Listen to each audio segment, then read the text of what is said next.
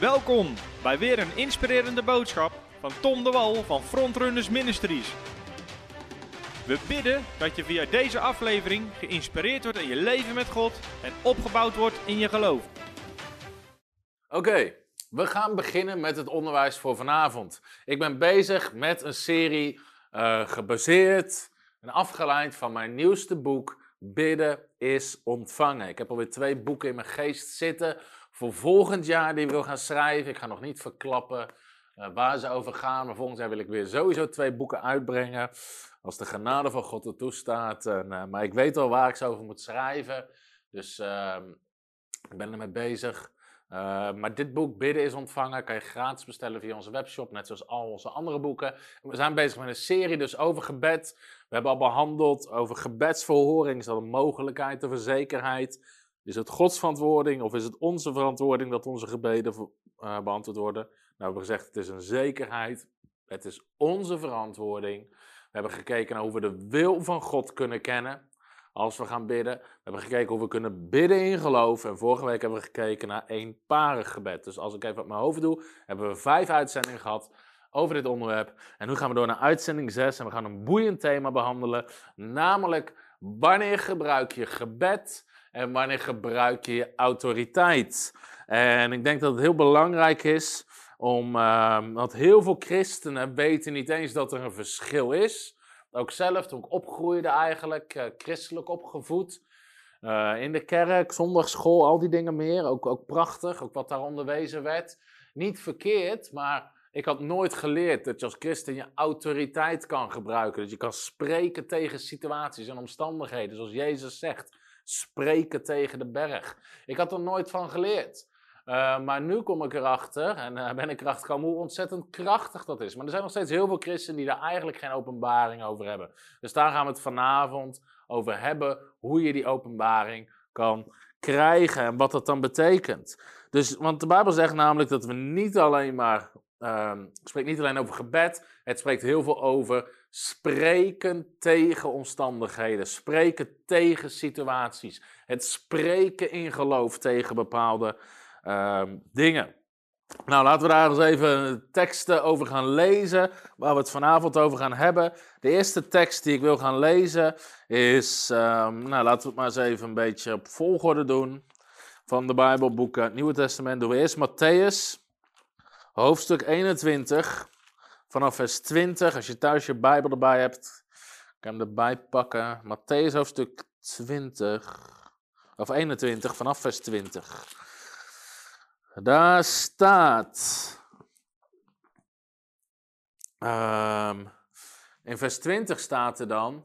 Hoe is de vijgenboom in één keer zo verdord? Nou, hier staat: Hoe is de vijgenboom ineens zo verdord? Dat is wat de discipelen vroegen aan Jezus. Maar die vijgenboom die was niet ineens verdord. Want de Bijbel zegt namelijk dat de dag daarvoor had Jezus tegen de vijgenboom gesproken. Hij had de vijgenboom vervloekt. Want Jezus zei tegen die vijgenboom: Laat niemand meer vrucht van u dragen tot in eeuwigheid. En vanaf dat moment begon die vijgenboom te verdorren. En toen ze de volgende dag er langs liepen, zagen ze diezelfde vijgenboom en zeggen: Heer, de vijgenboom is vervloekt.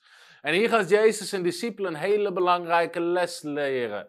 Want heel veel dominees, predikanten, bijbelleraren, die pakken zo'n verhaal en dan zeggen ze: Jezus, de vijgenboom luisterde naar Jezus, want Jezus was de zoon van God.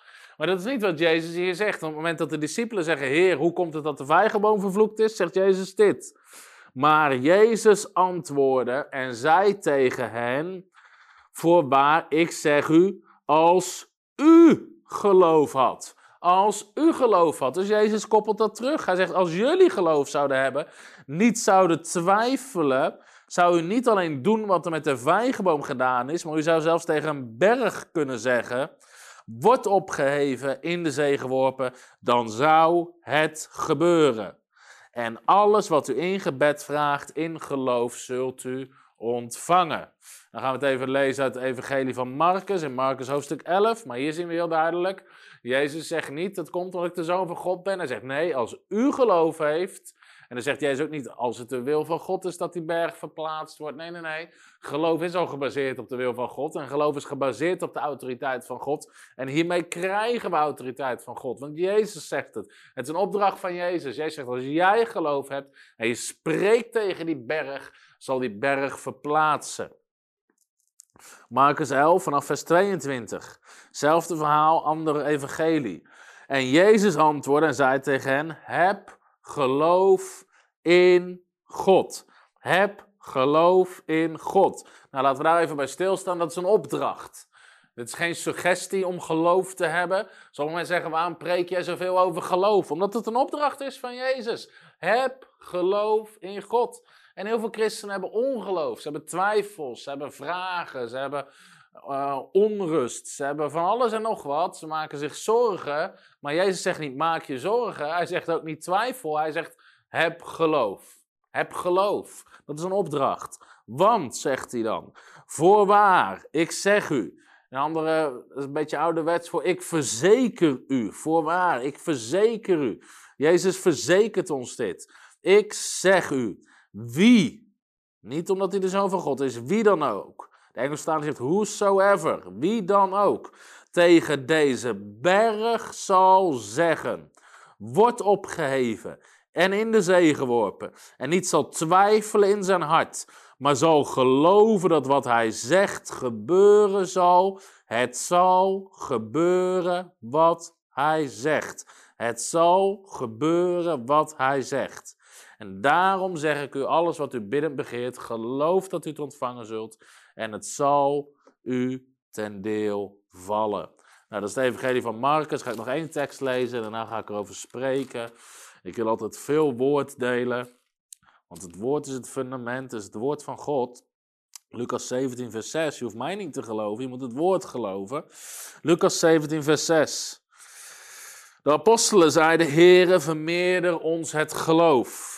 En de Heere zei, als u geloof had als een mosterdzaadje, zou u tegen deze moerbijboom zeggen, word ontworteld en in de zee geplant en het zou u gehoorzamen. Het zou u gehoorzamen. Het staat niet, het zou God gehoorzamen. Nee, het gaat weer over ons. Het gaat over jou. En heel veel mensen, ik zeg dit bijna iedere uitzending, maar dit is zo belangrijk, leggen alles in de handen van God.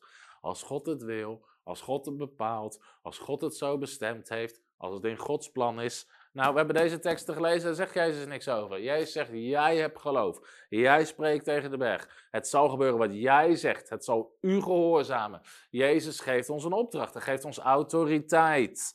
En misschien kan je, als je niet helemaal begrijpt waar ik het over heb, even terugluisteren. Ook de uitzending over bidden naar de wil van God. Maar goed, hier zien we dus de teksten over autoriteit gebruiken en spreken.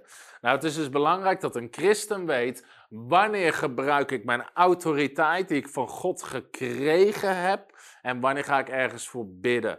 Daar hebben we het hier over. Ik heb ook in mijn boek behandel ik zeven verschillende soorten gebed. Ik vergelijk met verschillende soorten sporten. Het is allemaal sport, handbal, voetbal, korfbal, volleybal. Het is allemaal sport, het heeft zelfs allemaal een bal. Maar er zijn verschillende regels en het werkt op verschillende manier. Zo is het ook met bidden. Weet je, je zou autoriteit gebruiken kunnen vergelijken met het gebruiken van een honkbalknuppel. En, en bidden met, het, met, met een sportattribuut van een, van een keepershandschoen. Het is allebei een sportattribuut, maar je moet weten welke gebruik je in welke sport. En zo is het ook met autoriteit gebruiken met bidden.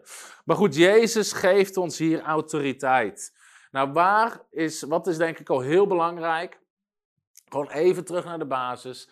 Maar toen God de mens maakte, Genesis 1, vers 26 tot en met 28, daar staat: God maakte de mens in zijn beeld en zijn gelijkenis. En God zegende de mens en gaf hen autoriteit en gaf ze heerschappij. De mens is gemaakt om te heersen. Moet ik altijd voorzichtig zeggen, want wij hebben er allerlei negatieve ideeën bij over heersers en dictators. Maar het komt gewoon neer, God heeft ons autoriteit gegeven. De mens heeft autoriteit, verantwoordelijkheid, mandaat gekregen om te handelen. Naar, zelfs naar, uh, moet ik dat zeggen, als vertegenwoordigers van God. Want we zijn gemaakt in Gods beeld en gelijkenis. En de Bijbel zegt in Psalm 115: De hemel is van de Heer, maar de aarde heeft hij aan de mensenkinderen gegeven. En God heeft ons als zijn vertegenwoordigers op aarde gezet. Paulus noemt ons ambassadeurs van Christus. Dus we hebben autoriteit gekregen. Nou, wat is denk ik heel belangrijk, ook om hierin te begrijpen, en ik ga straks ga ik ook vragen beantwoorden. Als het gaat om wanneer gebruik je autoriteit en wanneer gebruik je gebed, is dat Jezus gebruikte gebed om met de Vader te praten en dingen aan de Vader te vragen. Maar hij gebruikte zijn autoriteit om directe omstandigheden te veranderen. Of als hij met de duivel te maken had. Gebed gebruikte hij om met de Vader te praten. Maar gebruikte zijn autoriteit om directe omstandigheden veranderen. Dus ik denk dat dat heel belangrijk is. Om, om die lijn ook aan te houden. En ik zat eraan te denken, ook nog in aanloop van deze uitzending. Dat is niet alleen zo het leven van Jezus. Ik denk, en dat zeg ik met alle respect, weet je, ik geloof in gebed, ik geloof in bidden. Ik heb een heel boek geschreven over hoe je gebeden beantwoord kunnen worden. Maar ik denk dat christenen te veel bidden en te weinig hun autoriteit gebruiken. Zelfs als je kijkt naar de verhalen in het Oude Testament, en ik denk dat dit voor veel van mensen een eye-opener is. Maar wat wil God de mens leren om een autoriteit te gebruiken? Dus toen God Mozes riep, zegt God, zegt tegen Mozes, wat heb je in je hand? En Mozes had een staf in zijn hand. En die staf vertegenwoordigt de autoriteit van God. Het werd de staf van de Heer. Het werd autoriteit. En heel veel dingen die Mozes moest regelen voor God, deed hij niet alleen door gebed, maar door zijn autoriteit te gebruiken. Want dan zegt de Heer bijvoorbeeld, je moet hem op de grond gooien. En dan komen de tovenaars van de farao en de staf van Mozes eet al die andere slangen op. Want die staffen veranderen in slangen. En dan komen de tovenaars van de farao, die doen dat ook. Veranderen ook in slangen. Maar dan gaat hij niet heel hard bidden. Hij gebruikt zijn autoriteit. Mozes slaat met zijn staf op de Nijl. Hij gebruikt zijn autoriteit. Het verhaal dat de handen van Mozes in de lucht gehouden moeten worden tijdens de strijd. Waarom? Zolang hij in autoriteit stond, had hij de overwinning. Het staat symbool voor de autoriteit. Hij sloeg met zijn staf op de rots. En er kwam water uit. Hij gebruikte zijn autoriteit. Iedere keer, en ik kan je al de verhalen laten zien in detail, gaan we nu niet doen. Maar zelfs in situaties waarin Mozes het uitriep, ging bidden tot God, sprak God terug en zei: God, gebruik je autoriteit. Exodus, hoofdstuk 14 is dat uit mijn hoofd, toch door de Schelfzee, of 13. Uh, dit is heel belangrijk, want dit is bijvoorbeeld ook zo'n tekst die heel vaak, in het hoofdstuk 14, uh, ehm, verkeerd geïnterpreteerd wordt. En uh, kijk, dit is, dit is heel grappig. In ieder geval, kijk, de Exodus 14, vers 14. Wat hier gebeurt is dat het volk staat voor, voor de Schelfzee. Ze zijn ontsnapt uit Egypte, maar het leger van de vijand komt eraan. En ze zien een gigantisch leger naderen. En iedereen schiet in paniek. En Mozes, die, die roept dit uit. Die zegt dit dan tegen het volk. En deze tekst wordt heel vaak aangehaald door christenen. De Heere zal voor u strijden. En u moet stil zijn. Even tot zover. Nou, wat willen we nog meer? De Heer zal voor ons strijden en wij moeten stil zijn. Deze wordt heel vaak gebruikt. Wij hoeven niks te doen, je hoeft niks te doen, God regelt alles. Nou, dat was helemaal niet aan de hand in dit verhaal. Moet je kijken hoe God reageert op deze uitspraak van Mozes. Toen zei de Heer tegen Mozes: Wat roep je tot mij? God zegt: Wat klop je bij mij aan? Spreek tot de Israëlieten, zeg dat ze opbreken, onderneem actie, begin iets te doen. En u, wat jij moet doen, hef uw staf op. Pak je autoriteit, strek je hand uit en splijt de zee door het midden. Nou, als Mozes een theologieopleiding had gehad in Nederland, had hij gezegd: Ja, maar dat kan ik niet hoor. Dat kan alleen de Heer.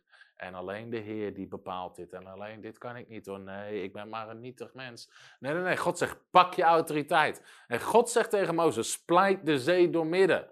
Nou, dat is nog eens een opdracht om te krijgen. Veel christenen hebben moeite om handen te leggen op zieken. dat vinden ze al lastig. Weet je, maar de opdracht die Mozes kreeg was niet leg handen op zieken, was pleit die hele zee door het midden. Gebruik je autoriteit. Dus God zegt pak je staf of pak je autoriteit. Dus dit is alleen al in het Oude Testament. En verhaal na verhaal kan ik je laten zien. Een van de grootste wonderen uit de Bijbel. Um, Jozua 10 uit mijn hoofd. Over dat Jozua de zon stil doet staan. Dan staat de zon stil en dan staat er in vers 12. Toen sprak Jozua tot de Heere op de dag dat de Heere de Amorieten aan de Israëlieten overgaf. En zij voor de ogen van Israël, zon sta stil in Gibeon en maan in de dal van Ayalon. En de zon stond stil en de maan bleef staan. En uh, ik vertelde deze grap net ook al tegen Sander, maar ik weet niet of je die grap kent over in eh, Amerika heb je zo'n verboden alcoholisch drankje wat sommige mensen uh, brouwen. Dat heet moonshine. En uh, dat mag je blijkbaar niet maken, dat is verboden, maar dat doen ze dan uh, brouwen in de bossen of zo, weet ik veel wat. Maar goed, het is een mop dat op een dag iemand genaamd Joshua, Joshua, die wordt aangehouden en ehm, die moet dan voor de rechtbank verschijnen. En um, dan ziet de rechter ziet de naam, Joshua, Bijbelse naam. Dus dan vraagt hij aan die man, are you the Joshua who made the sun stand still? En dan zegt die man, no, I'm the Joshua who made the moon shine. maar goed, dat is even een grapje tussendoor. Uh, maar kijk wat Jozua hier doet. Hij sprak tot de Heer, maar vervolgens sprak hij tegen de zon. Hij begon zijn autoriteit te gebruiken. Blijkbaar was dat de opdracht die hij kreeg van God. God wilde het wonder doen, maar hij moest zijn autoriteit gebruiken. Zon staat stil en maan staat stil en de zon stond stil. Gigantisch wonder, maar hij sprak. Hij gebruikte zijn autoriteit. Bij Mozes, Mozes sprak. Mozes gebruikte zijn autoriteit. Dus zelfs in het Oude Testament zie je al heel vaak dat God van de mens vraagt om hun autoriteit te gebruiken. En uh, dus ik denk dat dat is heel belangrijk.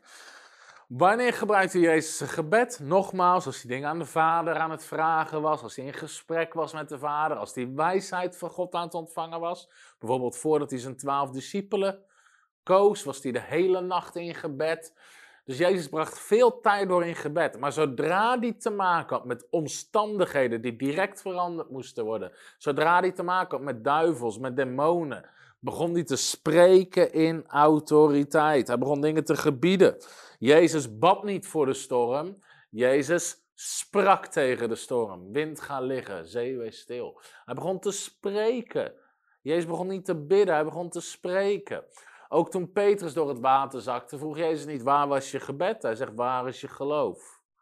Weet je, Jezus gebruikte zijn geloof door te spreken in autoriteit tegen de storm. Jezus bad niet voor, de, voor bevrijding. Weet je, wij bidden voor zoveel dingen. Ik was een keer in een dienst en we deden een bevrijdingsdienst in een andere kerk. En we waren daar demonen aan het uitdrijven. Mensen werden vrijgezet, werden bevrijd. En, uh, maar er waren ook mensen uit dat gebedsteam van die kerk die mee wilden bidden. En soms ben ik niet altijd fan van, omdat ik niet weet wat ze geloven. En, en, wat ze gaan doen. En ook in dat geval, ik was de demonen aan het uitdrijven en ik hoorde dat vrouwtje naast mij. Hoorde ik bidden voor iemand heel lief, zo.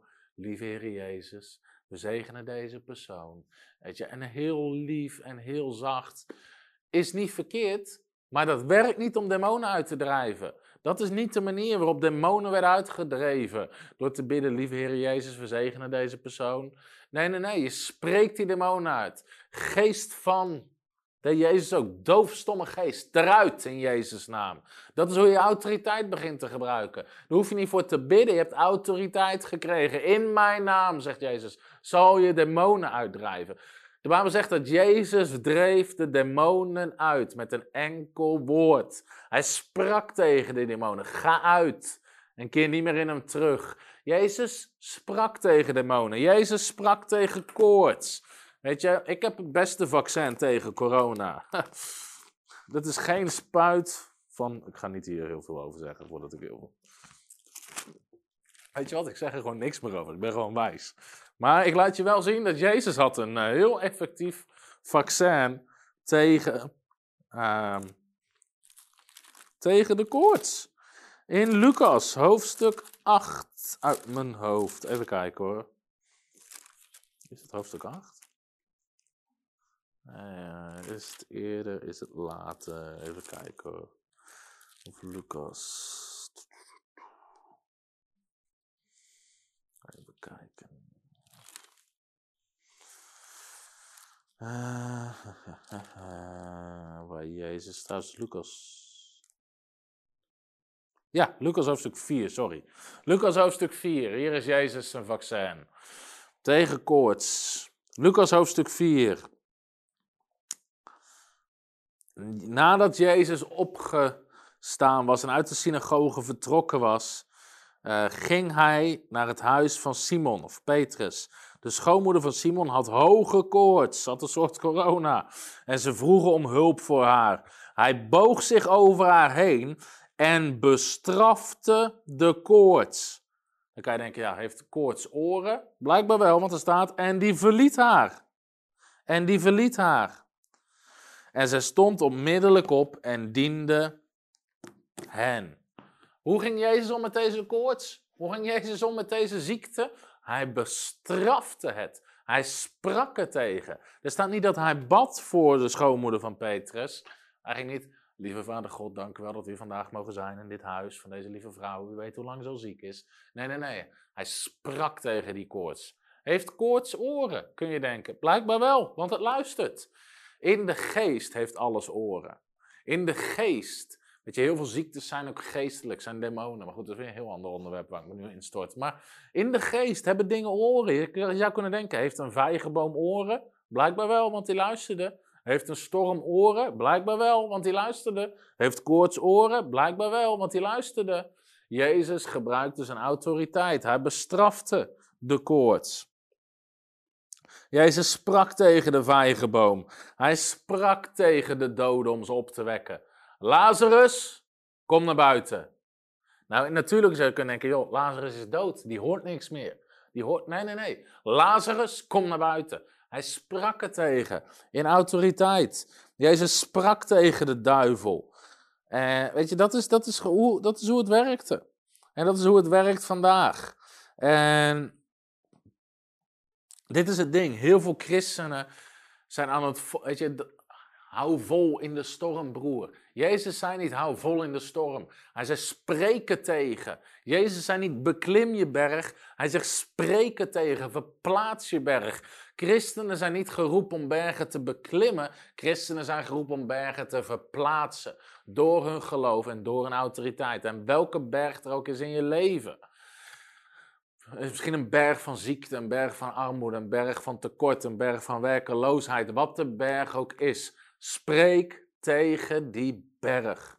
Want alles heeft oren in de geest. En dat is, uh, dat is gewoon belangrijk. Want dat is hoe het is. Dus heel veel mensen zijn te vaak aan het bidden over hun bergen en spreken te weinig tegen hun bergen. Maar jij hebt autoriteit gekregen. Dus over stormen, over demonen, verzoekingen van de duivel, wat dan ook. En weet je, dit is soms het probleem. Dat christenen zijn te lief, ook voor de duivel. Waar we zeggen, bied weerstand aan de duivel.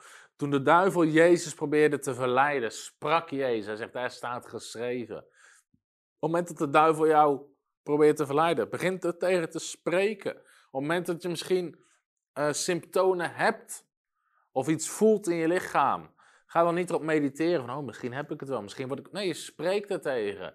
Dan zeg je, ziekte wijk in de naam van de Heer Jezus Christus. Door zijn striemen ben ik genezen. De Heer is mijn heelmeester. God doet alle ziekte van mij wijken. Geen plaag zal mijn tent naderen. Je begint te spreken het woord van God. Want in de geest heeft alles oren. En dat is zo ontzettend belangrijk. Dat is je autoriteit. Dat is je schild van je geloof. Dat is weer een andere studie, maar dat is Efeze hoofdstuk 6. Nou, soms kan je bidden en autoriteit wordt zelfs vaak gecombineerd. Toen Jezus Lazarus ging opwekken in Johannes hoofdstuk 11, hij bad tot de Vader. Hij zegt: Vader, ik dank u dat u mij altijd verhoort en dat u mij ook deze keer verhoort. Dus hij was eerst in gebed, maar daarna gebruikte hij zijn autoriteit. Lazarus, kom naar buiten. De Bijbel zegt ook bij doden opwekken in Handelingen hoofdstuk 9.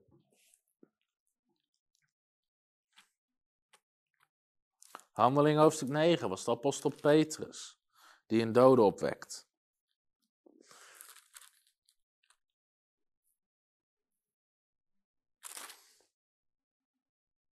Eh, ja, Petrus, Handelingen 9 vanaf vers 40, daar staat dit.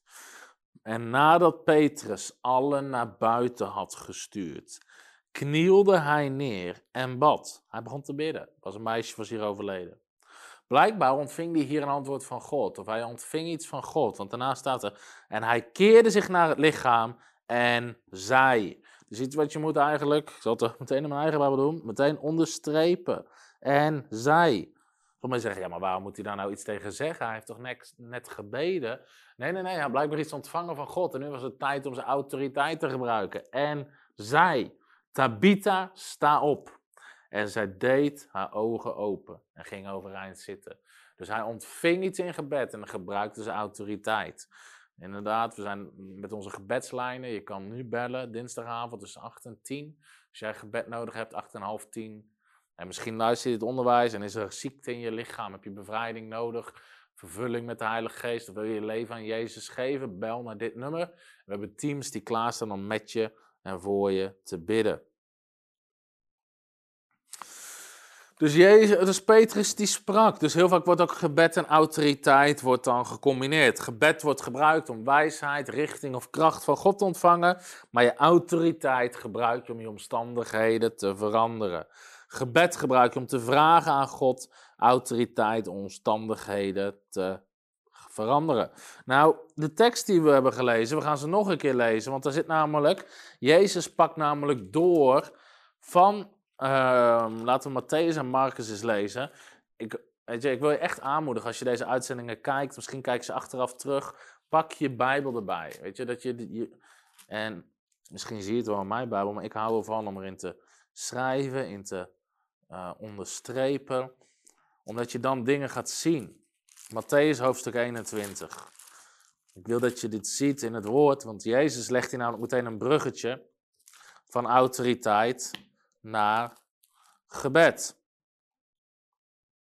Kijk, er staat. Jezus antwoordde en zei tegen hen: Voorwaar, ik zeg u, als u geloof had en niet twijfelde, zou u niet alleen doen wat er met de vijgenboom is gedaan, maar zelfs als u tegen deze berg zou zeggen: wordt opgeheven en in de zee geworpen, dan zou het gebeuren. En, Jezus gaat meteen door, en alles wat u in het gebed vraagt, alles, is eigenlijk ook iets om te onderstrepen, alles wat u in het gebed vraagt, in geloof, zult u ontvangen. Zult u ontvangen. Kunnen we deze camera wat verder inzoomen? Of staat hij op zijn vest? Kan eens kijken? Dus Jezus zegt hier, hij maakt meteen de koppeling. Zie je dat? Hij zegt eerst, hij zegt spreek tegen de berg. En alles wat je zegt en niet twijfelt zal gebeuren. Maar meteen daarna zegt hij, en alles wat u in het gebed vraagt. En alles wat u in het gebed vraagt. Zult u, of in geloof, zult u ontvangen. Dus jij zegt twee dingen. Alles waar jij autoriteit en je geloof over gebruikt, zal gebeuren. En alles wat je in gebed vraagt, zal je ontvangen. Dus ik denk dat dat goed. Je moet je afvragen: wil ik dat hier iets gebeurt in de omstandigheden met mijn berg? Of wil ik hier iets van God ontvangen? En aan de hand daarvan kies je ook van, joh, wat ga je gebruiken? Je autoriteit of je gebed? Nou, hier zegt Jezus dus en in Marcus, het evangelie van Marcus. Kijk, die is een stukje groter. Anders denkt iedereen dat dit uh, ogentest is van Hans Anders. ja, Marcus. Voorwaar, ik zeg u, wie tegen deze berg zal zeggen, wordt opgeheven en in de zee geworpen, en niet zal twijfelen in zijn hart, maar zal geloven dat wat hij zegt gebeuren zal, het zal hem gebeuren wat hij zegt. Daarom zeg ik u. Waarom? Als het daarom staat, vraag jij je af waarom. Waarom zegt Jezus dat? Want hier geeft hij onderwijs over autoriteit. En dan zegt hij, daarom zeg ik u, alles wat u biddend begeert, geloof dat u het ontvangen zult. En het zal u ten deel vallen. Het zou u ten deel vallen. En nou, Jezus leert hier ons zulke krachtige waarheden. Ten eerste pakt Jezus beelden. Matthäus, uh, nee, Lucas 17 had het over een moerbijboom. Hier pakt Jezus een berg. Een moerbijboom was een gigantische boom met diepe wortels. Iets waarvan je niet kan voorstellen dat dat ding zou verplaatsen. En Iets wat nog moeilijker is om voor te stellen, om te verplaatsen, is een berg. Maar Jezus pakt juist die beelden, dingen waarvan wij ons niet kunnen voorstellen dat ze verplaatsen, dat ze veranderen, dat ze verdwijnen. Weet je, wat is de enige plek waar je een berg kan kwijtraken? Toevallig zag ik laatst een, uh, ik weet niet, ik hou van water en vissen en uh, ik vind dat heel uh, leuk.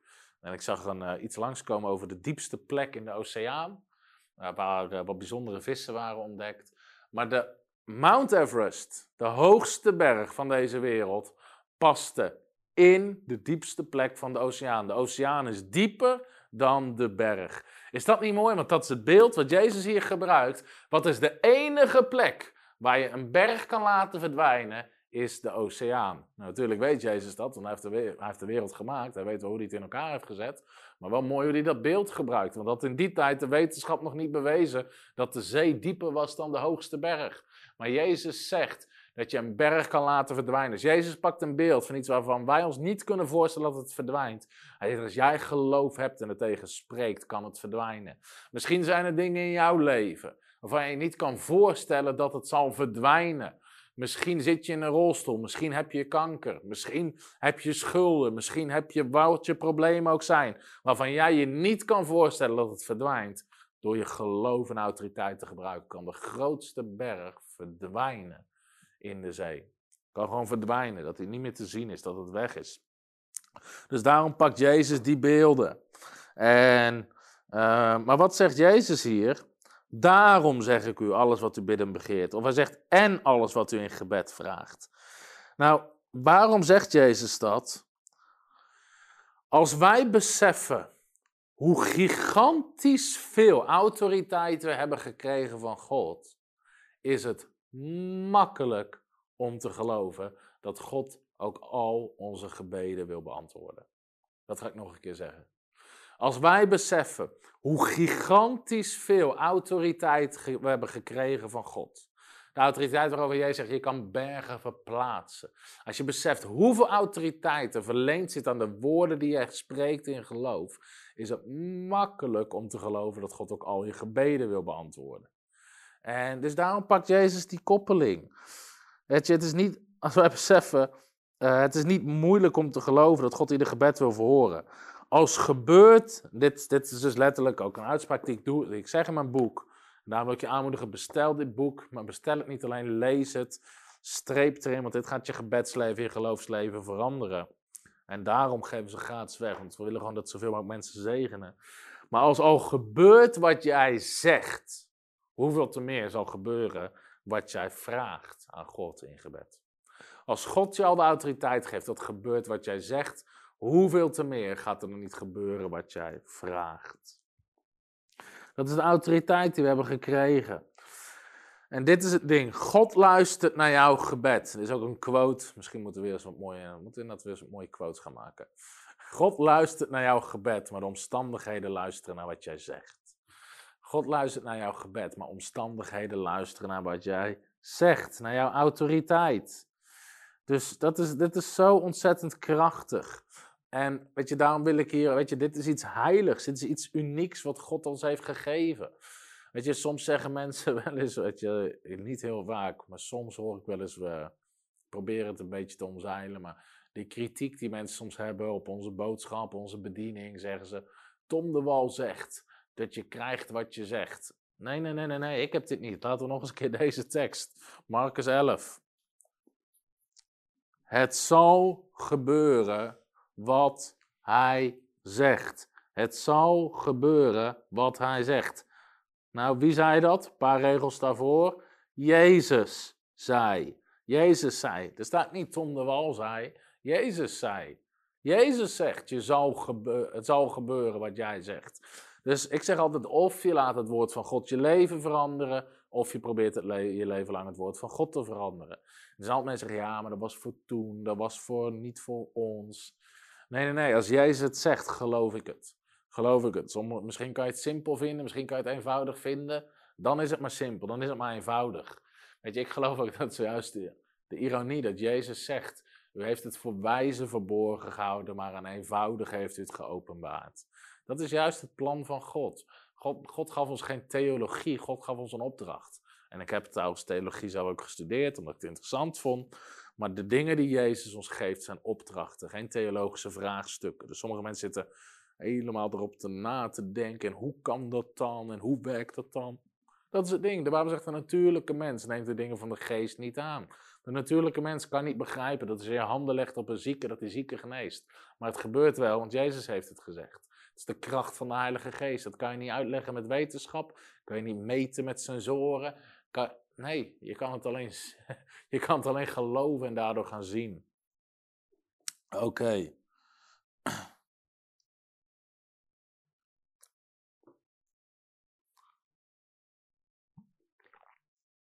Ik ga straks vragen beantwoorden. Maar goed, dit is even over autoriteit en gebed. Dus, nou, wat is belangrijk? Dus als we ergens voor bidden, en uh, ik zit even te kijken hoe laat het is. Is kwart voor negen, maar als we ergens voor bidden, wat is dus belangrijk om te beseffen, en ik heb dit dus ook zo'n uitspraak die ik doe in mijn boek. God heeft net zoveel autoriteit verleend aan de woorden uit jouw mond, die jij uitspreekt, als naar de woorden die je uitspreekt in gebed naar God. Dus God heeft, zeg maar, jouw woorden hebben kracht. Dood en leven is in de macht van de tong. Spreuken 18, vers 21. De woorden die ik zeg, hebben net zoveel autoriteit als de woorden die ik uitspreek in gebed naar God. Daarom is het zo belangrijk dat heel veel mensen laten wel voor zich bidden, maar vervolgens spreken ze iets anders. Dus bijvoorbeeld mensen hebben een blessure, ze vragen om gebed.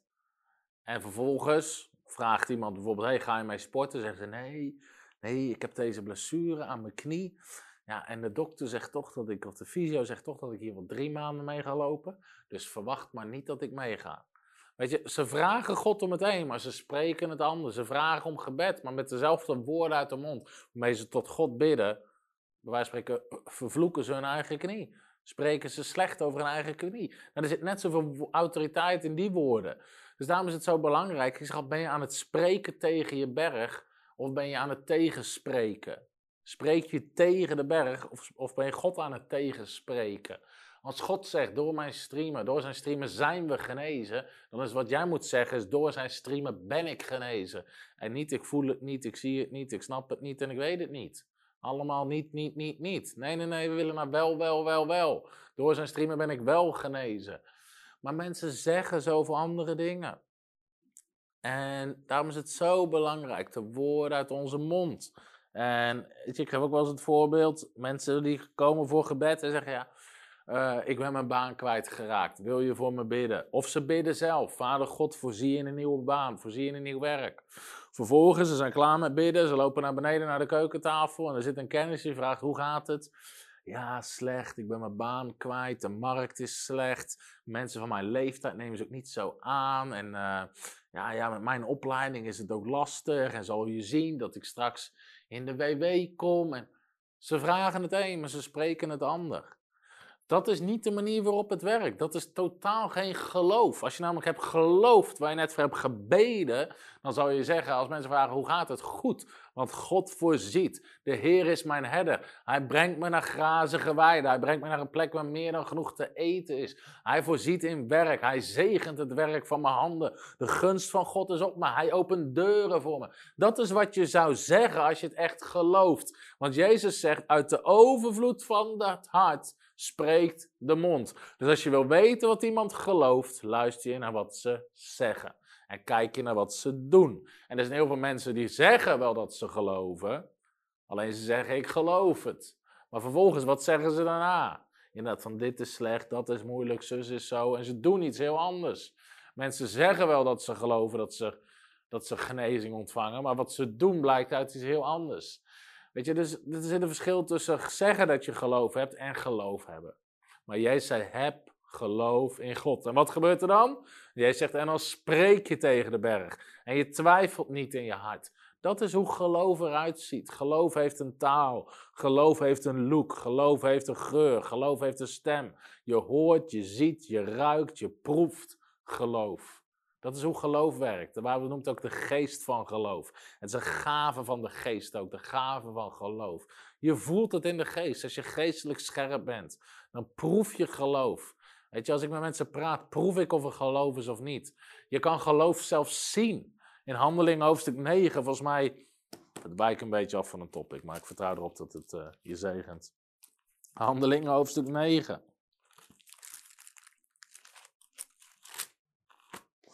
Handelingen hoofdstuk 9, daar staat, even kijken, is het Handelingen 9? Eh, nee, het is niet Handelingen 9.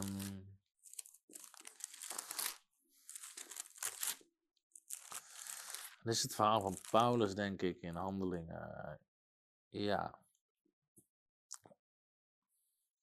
Handelingen 14, vers 9. Ik wist wel dat er een 9 in zat. Er staat over, er was een man, die had geen macht over zijn voeten. Hij was kreupel van de moederschoot af, had nooit kunnen lopen. Deze hoorde Paulus spreken. Die keek hem doordringend aan. En toen hij zag, ik heb er een beetje doorheen getekend in mijn Bijbel, maar toen hij zag, toen Paulus zag dat hij geloof had om gezond te worden. Geloof om, je ziet, geloof is specifiek. Niet geloof legt het. Toen Paulus zag dat hij het in de handen van de Heer had gelegd en zei: nou, Nee, nee, nee. Waarvoor had hij geloof? Om gezond te worden. Paulus zag geloof. Je ziet geloof, je proeft geloof, je weet of het er wel of niet is. Maar goed, dat over geloof. Maar dus als je ergens voor bidt, moet je het ook gaan spreken. Je moet niet God tegenspreken. Waar je bidt, waar jij voor bidt dat je het gaat krijgen, spreek ook dat je het gaat krijgen. En het is belangrijk dat mensen begrijpen. En zal hier nog, we zitten toch in de mooie quotes uit mijn boek, maar sommige mensen begrijpen niet dat God net zoveel autoriteit heeft gegeven aan de woorden die zij spreken tegen Hem in gebed, als aan de woorden die zij spreken tegen anderen. Dus dat is hoe belangrijk de woorden uit onze mond zijn. Dus even samenvattend. Wanneer gebruik je gebed? Als je iets vraagt aan God, wijsheid, richting, kracht, al die dingen meer. Vraag je erom in gebed. Wanneer gebruik je autoriteit? Als de omstandigheden moeten veranderen. En soms kan je het zelfs combineren. Zien we, het, uh, zien we Petrus doen bij het opwekken van Tabitha. Hij bad, hij knielde, hij bad. Blijkbaar vroeg hij aan God of het de wil van God was om haar op te wekken of wat dan ook. Of, of, of hij ontving daar richting of hoe hij het moest doen. Maar daarna sprak hij in autoriteit. En heel veel christenen, in het Engels zeggen ze, a lot of people are praying while they ought to be saying. Heel veel mensen zijn aan het bidden terwijl ze horen te spreken. En je kan gewoon spreken tegen dingen. En uh, bijvoorbeeld een getuigenis van een, uh, van een goede vriend van mij. Dat is nog onlangs, recent. In zijn branche was ook een, uh, was eigenlijk ook crisis. Heel veel bedrijven zonder werk. En hij had een of andere leverancier waar hij dan vaak uh, spullen van afnam. Op een gegeven moment vertelde die leverancier hem, joh, uh, sorry, deze spullen kunnen we niet meer leveren door de crisis. Ga er maar vanuit dat dit je laatste opdracht was. En hij zei, nee hoor, dit is niet mijn laatste opdracht. En dat zei hij tegen die inkoper van dat bedrijf. Hij zei, deze opdrachten blijven komen. Let maar op. Maar die inkoper heeft waarschijnlijk gedacht: deze man is knettergek. Ik ben hier de inkoper. Ik weet wat er binnenkomt. Maar hij zegt: nee hoor, er zal altijd genoeg werk zijn. Let maar op, deze spullen blijven komen. Dat is wat hij zei. Dat blijft gewoon komen. Dit blijft gewoon komen. En nu, al weet ik veel, maandenlang, blijft dat spul komen. En die inkoper zelf zegt: ik snap er niks van. Dit, dit kan helemaal niet. Dit hoort helemaal niet. Uh, weet je wel, dit, dit, dit, dit is nooit. Hij zegt: nee hoor, het blijft gewoon komen. Hij, door de woorden uit zijn mond. Dus jij hebt wat je zegt. Je krijgt wat je zegt door de woorden uit je mond. Dood en leven is in de macht van de tong. En uh, dus dat is hoe gebed werkt, hoe autoriteit werkt. En ik geloof dat we veel meer mogen groeien en kunnen groeien in het gebruiken van onze autoriteit. Dus ik hoop dat je gezegend bent door deze uh, studie. Um, daarnaast, als je gebed wil of je hebt iemand nodig die met je staat in geloof, die ook spreekt, misschien ben je ziek, Misschien kijk je dit en weet je niet zeker of je gered bent. Heb je nooit bewust een keuze gemaakt voor Jezus? Bel naar onze gebedslijnen. Er zijn mensen om met je voor je te bidden. Ook als je ziek bent, als je bevrijding nodig hebt. Ehm, als je wil dat iemand instemt met je in geloof voor een bepaalde situatie. Getuigenissen komen al binnen van de wonderen die God doet. Dus als je dat nodig hebt, uh, bel. Daarnaast, als je nog geen account hebt op www.bijbelschool.tv, we hebben onze hele parttime bijbelschool, staat op www.bijbelschool.tv. Maak er een account aan, uh, ga die bijbelschool volgen, want ik geloof echt dat het een tijd is om getraind te worden, om toegerust te worden. En op onze Bijbelschool geven we heel veel van dit soort lessen over allerlei onderwerpen, over autoriteit, zieken genezen, demonen uitdrijven, de stem van God verstaan, wie je bent in Christus, hoe kan je effectief bidden, profiteren, noem het maar op. En we pakken het aan in de Bijbelschool. Maar ik geloof dat dit geen tijd is om geestelijk stil te staan. Ook al gaat Nederland in lockdown, geestelijk gaan we niet in lockdown, geestelijk gaan we omhoog. De Bijbel zegt we gaan uitsluitend omhoog en nooit omlaag. En de innerlijke mens, de geestelijke mens, wordt krachtiger, zegt de Bijbel, van dag tot dag. Wordt vernieuwd. Dus heel veel kerken zijn dicht. Er zijn geen Bijbelstudies meer. Maar het is niet de tijd om stil te staan, het is de tijd om te groeien. Dus ga naar bijbelschool.tv, maak een account aan, ga Bijbelschool volgen. En uh, wil ik je echt voor uitnodigen om dat te doen. Verder, als je gezegend bent door dit onderwijs, zegt joh, meer mensen moeten dit horen. Je wil ons helpen om meer boeken te verspreiden, meer mensen te bereiken. We gaan ook een voltijdschool opzetten om mensen te trainen voor bediening. Dan, uh, uh, dan wil ik je vragen om partner te worden. Word partner van Frontrunners. Ga naar www.frontrunnersministries.nl slash partners of ga gewoon naar frontrunnersministries.nl klik rechtsbovenin op partner worden. En uh, word partner van een bedrag wat, uh, wat jij wil zaaien in het evangelie. Misschien kan je 25, 50, 100 of weet ik veel, 200, wat je kan per maand. Help ons mensen te bereiken, toe te rusten, bedieningen uit te zenden. Want ik geloof dat God nog een plan heeft voor Nederland. Niet alleen voor Nederland, voor Europa. En dat we nog een grote beweging van God gaan zien. Dat God nog veel wil doen. En als je ons wil helpen om meer mensen te bereiken, wil ik je daarvoor uitnodigen. Uh, om dat te doen. Of misschien een mooie eindejaarsschrift over te maken. Zegt, hé, hey, ik ben gezegend door God. God heeft voor me gezorgd. En je wil daar een deel van teruggeven. Je wil daarin van zaaien. Je overmaken. Gewoon een eenmalige gift. En misschien uh, ben je gezegend en wil je je tiende geven aan frontrunners. Kan dat ook. Op www.frontrunnersministries.nl kan je het rekeningnummer vinden. Of je kan daar gewoon een eenmalige donatie. Maar als je je tiende wil geven, hebben we ook een aparte tiende rekening. Of mensen die daar een tiende op willen storten en ons willen helpen. Daar zijn tienden ook voor bedoeld in de Bijbel. Werden naar de voorraadkamers gebracht. Daar werd de voorziening, materiaal werd daar opgeslagen. Zodat de priesters die voltijd God dienden, vrijgezet werden. Dat er geld voor was, salaris voor was, spullen voor waren. Zodat zij voltijd God kunnen dienen. Nou, inmiddels hebben we hoeveel mensen in dienst? 10, 11, 12, weet ik veel. We hebben, we hebben een hele mooie groep mensen in dienst met uh, mensen die voltijd meewerken. Sander zit hier achter de camera's de regie te doen. We hebben Lambert op media. We hebben uh, op, op de office, op bijbelschoolcoördinatoren, worship. We hebben van alles en nog wat mensen in dienst die we vrij willen zetten om voltijd het koninkrijk te bouwen. Als je ons mee wil helpen, wil je tiende overmaken, kan je dat ook doen via de website. Dan wens ik je heel veel zegen en uh, tot de volgende keer. Hallo, Tom de Wol hier en bedankt dat je weer geluisterd hebt naar onze podcast. Ik bid dat het je geloof gebouwd heeft en je bemoedigd bent. Als je niet alleen een luisteraar van onze boodschap wil zijn, maar ook een verspreider daarvan, wil ik je uitnodigen om partner te worden van Frontrunners. Door jouw maandelijkse donatie help je ons om dit evangelie van Jezus Christus en het woord van God over heel de aarde te brengen. Om partner te worden, ga naar www.frontrunnersministries.nl slash partners en word partner. Hartelijk bedankt en tot snel. Heb je ook zo genoten van deze inspirerende boodschap van Tom de Wal? Abonneer je dan op deze podcast. Volg ons op Facebook en op Instagram en kijk op onze website frontrunnersministries.nl.